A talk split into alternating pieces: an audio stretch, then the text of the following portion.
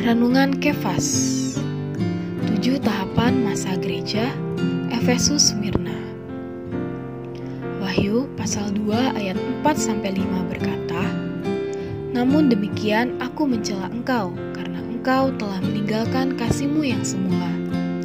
Sebab itu ingatlah betapa dalamnya engkau telah jatuh. Bertobatlah dan lakukanlah lagi apa yang semula engkau lakukan.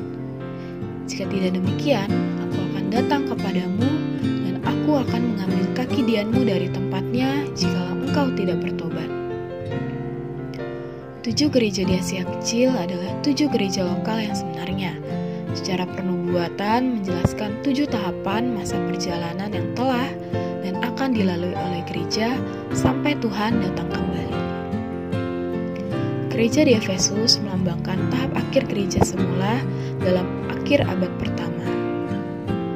Karena tidak saja pada permulaan gereja ada rasul-rasul, pada kemudian hari gereja juga ada rasul-rasul.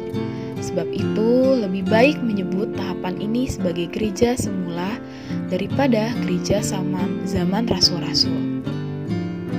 Efesus menggambarkan gereja pada akhir tahapan semula. Efesus dalam bahasa Yunani berarti yang didambakan. Hal ini menandakan gereja mula-mula pada kesudahannya masih didambakan oleh Tuhan. Tuhan tetap menaruh pengharapan yang besar. Smyrna, bahasa Yunani berarti mur. Mur adalah semacam rempah-rempah dalam hal tanda menunjukkan penderitaan. Dalam tipologi, mur melambangkan penderitaan Kristus yang manis. Oleh karena itu, Gereja di Smyrna adalah gereja yang menderita, mengembangkan gereja di bawah penganiayaan kekaisaran Romawi dari akhir abad pertama sampai awal abad keempat. Gereja yang dianiaya ini menderita dalam kemanisan dan keharuman Kristus. Dengan kata lain, gereja adalah kesusahan Yesus dan dalam persekutuan penderitaannya. Gereja di Smyrna menderita sama seperti Kristus sendiri menderita. Ini menjadi kelanjutan dari penderitaannya. Penderitaan Kristus ada dua macam. Yang pertama, menggenapkan penebusan yang telah dirampungkan Kristus sendiri. Yang lainnya adalah menghasilkan dan membangun gereja. Ini perlu dipenuhi oleh para rasul dan kaum beriman. Meskipun tidak seorang pun dapat melanjutkan penebusan Kristus, tetapi penderitaannya harus dilengkapi oleh semua pengikutnya, baik secara individu maupun secara kolektif.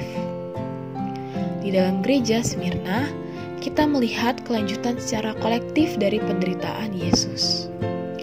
Karena gereja ini adalah kelanjutan dari penderitaan Yesus, sebab itu dia adalah kesaksian Yesus yang sesungguhnya. Terang hari ini, yang pertama, melihat nubuat mengenai tujuh masa gereja dalam kitab Wahyu.